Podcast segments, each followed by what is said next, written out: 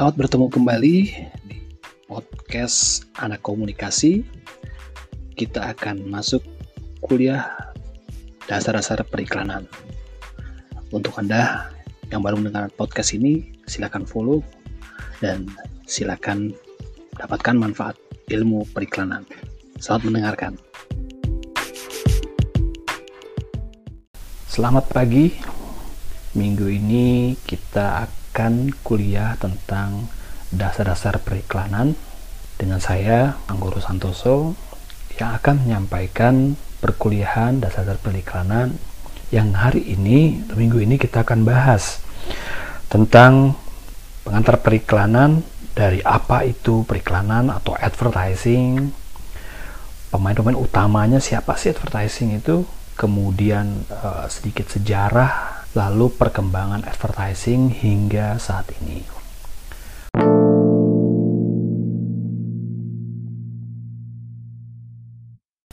Untuk mengantarkan materi ini, saya menggunakan referensi buku advertising seperti ini yang Anda bisa dapatkan juga baik di perpustakaan atau beli di toko-toko buku terdekat ini karya Sandra Moriati edisi ke-8. Cukup lengkap. E, namun untuk perkembangan periklanan digital nanti saya akan update perkembangannya sesuai dengan situasi seperti sekarang ini. Nanti saya akan sampaikan perkuliahan ini e, lewat e, slide. Mana slide-slide ini Anda bisa apa cari referensinya atau Anda bisa diskusikan atau Anda bisa analisa dan sekaligus menjadi catatan-catatan Anda untuk mengembangkan atau mengetahui tentang periklanan secara lebih luas. Pada minggu lalu, saya sudah berikan tugas secara online kepada mahasiswa, mahasiswa Universitas Nasional, kelas reguler, untuk uh, mengembangkan atau mencari tentang definisi periklanan dari berbagai sumber jenisnya kemudian sejarahnya gitu kan.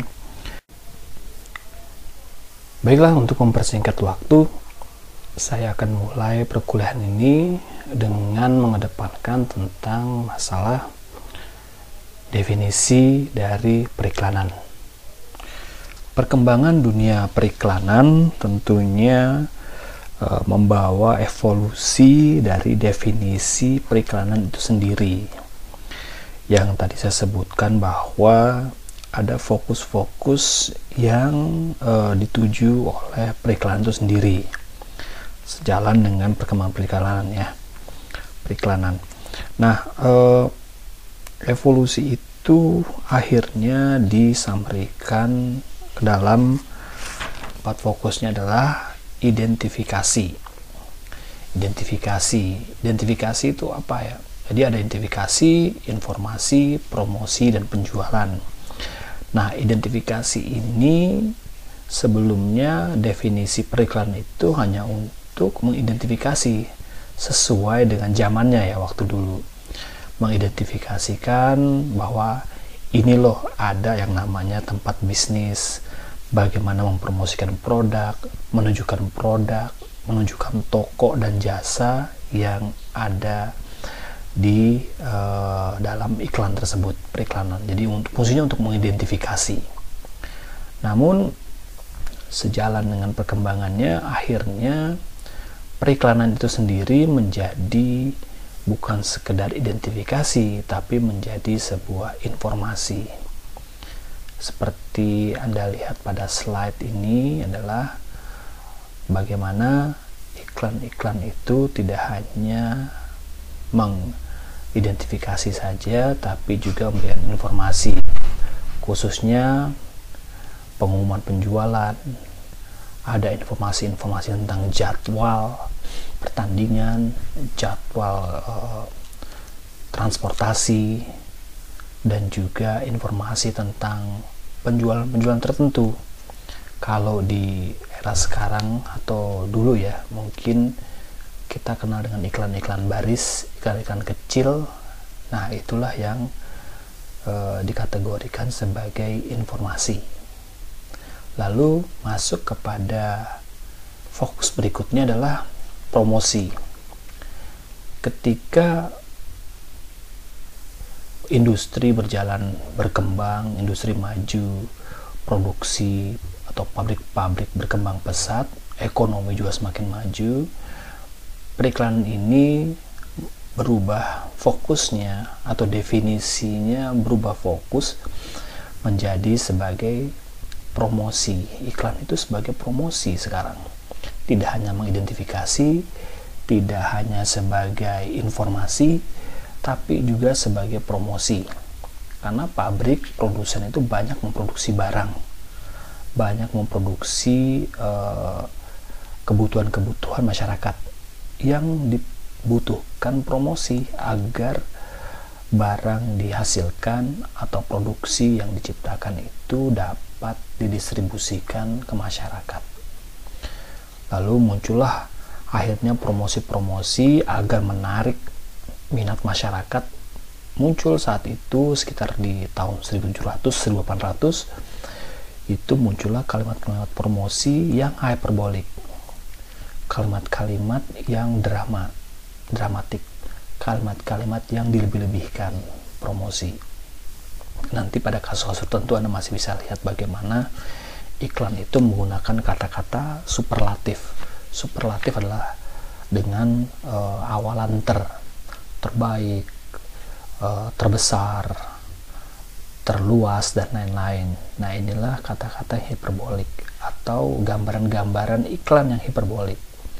Misalnya biskuat misalnya ya, dia apa anak kecil bisa makan biskuit bisa energinya sekuat macan misalnya nah inilah hiperbolik yang muncul pada era zaman dahulu udah digunakan ketika iklan itu dianggap sebagai media promosi.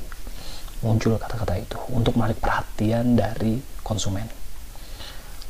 Nah ketika akhirnya iklan itu berkembang tidak hanya sebagai identifikasi, tidak sebagai informasi, bukan juga sebagai promosi atau gabungan daripada itu semua, iklan akhirnya membuat seorang praktisi periklan itu harus membuat iklan itu yang efektif.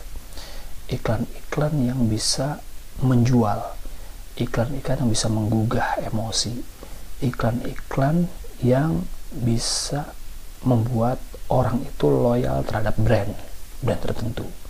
Nah ini tantangannya akhirnya iklan menjadi suatu fokus untuk penjualan.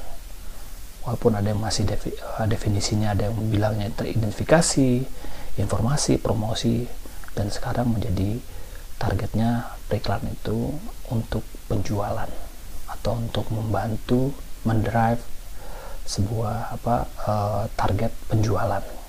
Itulah bagaimana perkembangan definisi dari periklanan itu sendiri dari tahun ke tahun berubah terus. Mungkin di era sekarang akan berubah lagi karena berkembangnya digital dan berkembangnya atau berubahnya perilaku perilaku konsumen mungkin definisi akan berubah. Peran dan tipe periklanan atau advertising. Perannya apa sih? Advertising itu mengapa dia ada gitu kan? Kerjanya seperti apa?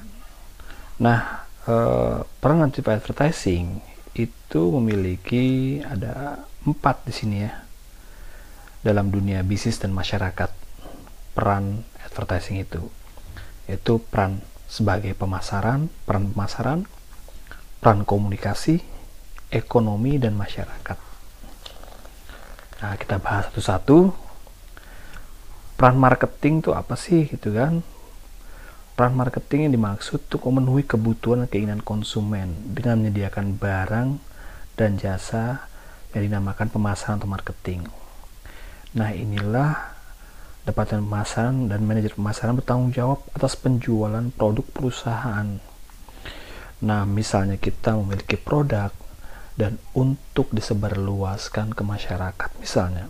Nah, inilah advertising ini berfungsi sebagai atau berperan sebagai marketing sebagai apa menyebarluaskan informasi atau menyebarluaskan promosi, menyebarluaskan pengumuman dari eh, apa produk atau jasa yang diinginkan atau yang di, dibutuhkan masyarakat.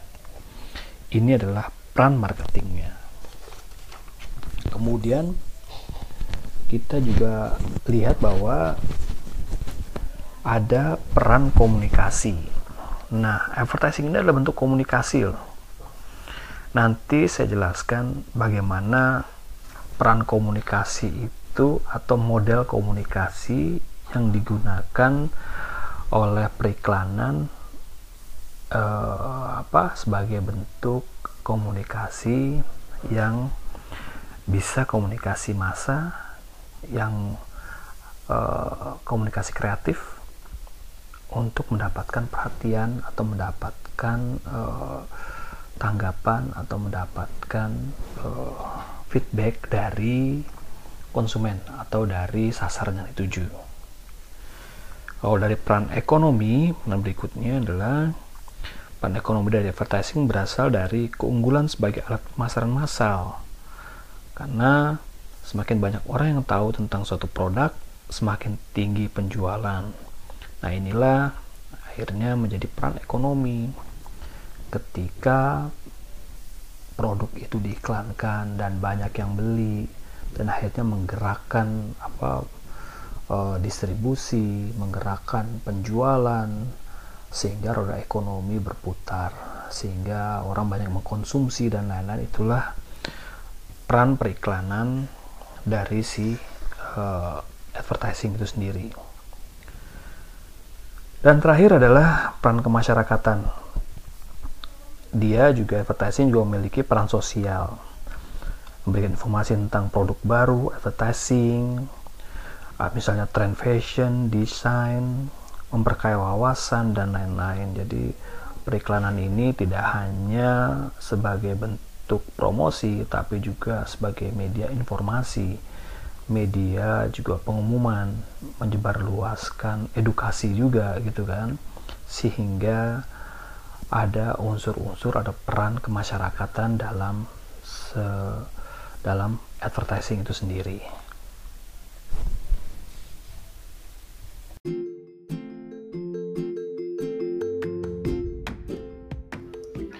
Demikian untuk sesi kali ini. Sampai bertemu di sesi berikutnya. Salam semangat.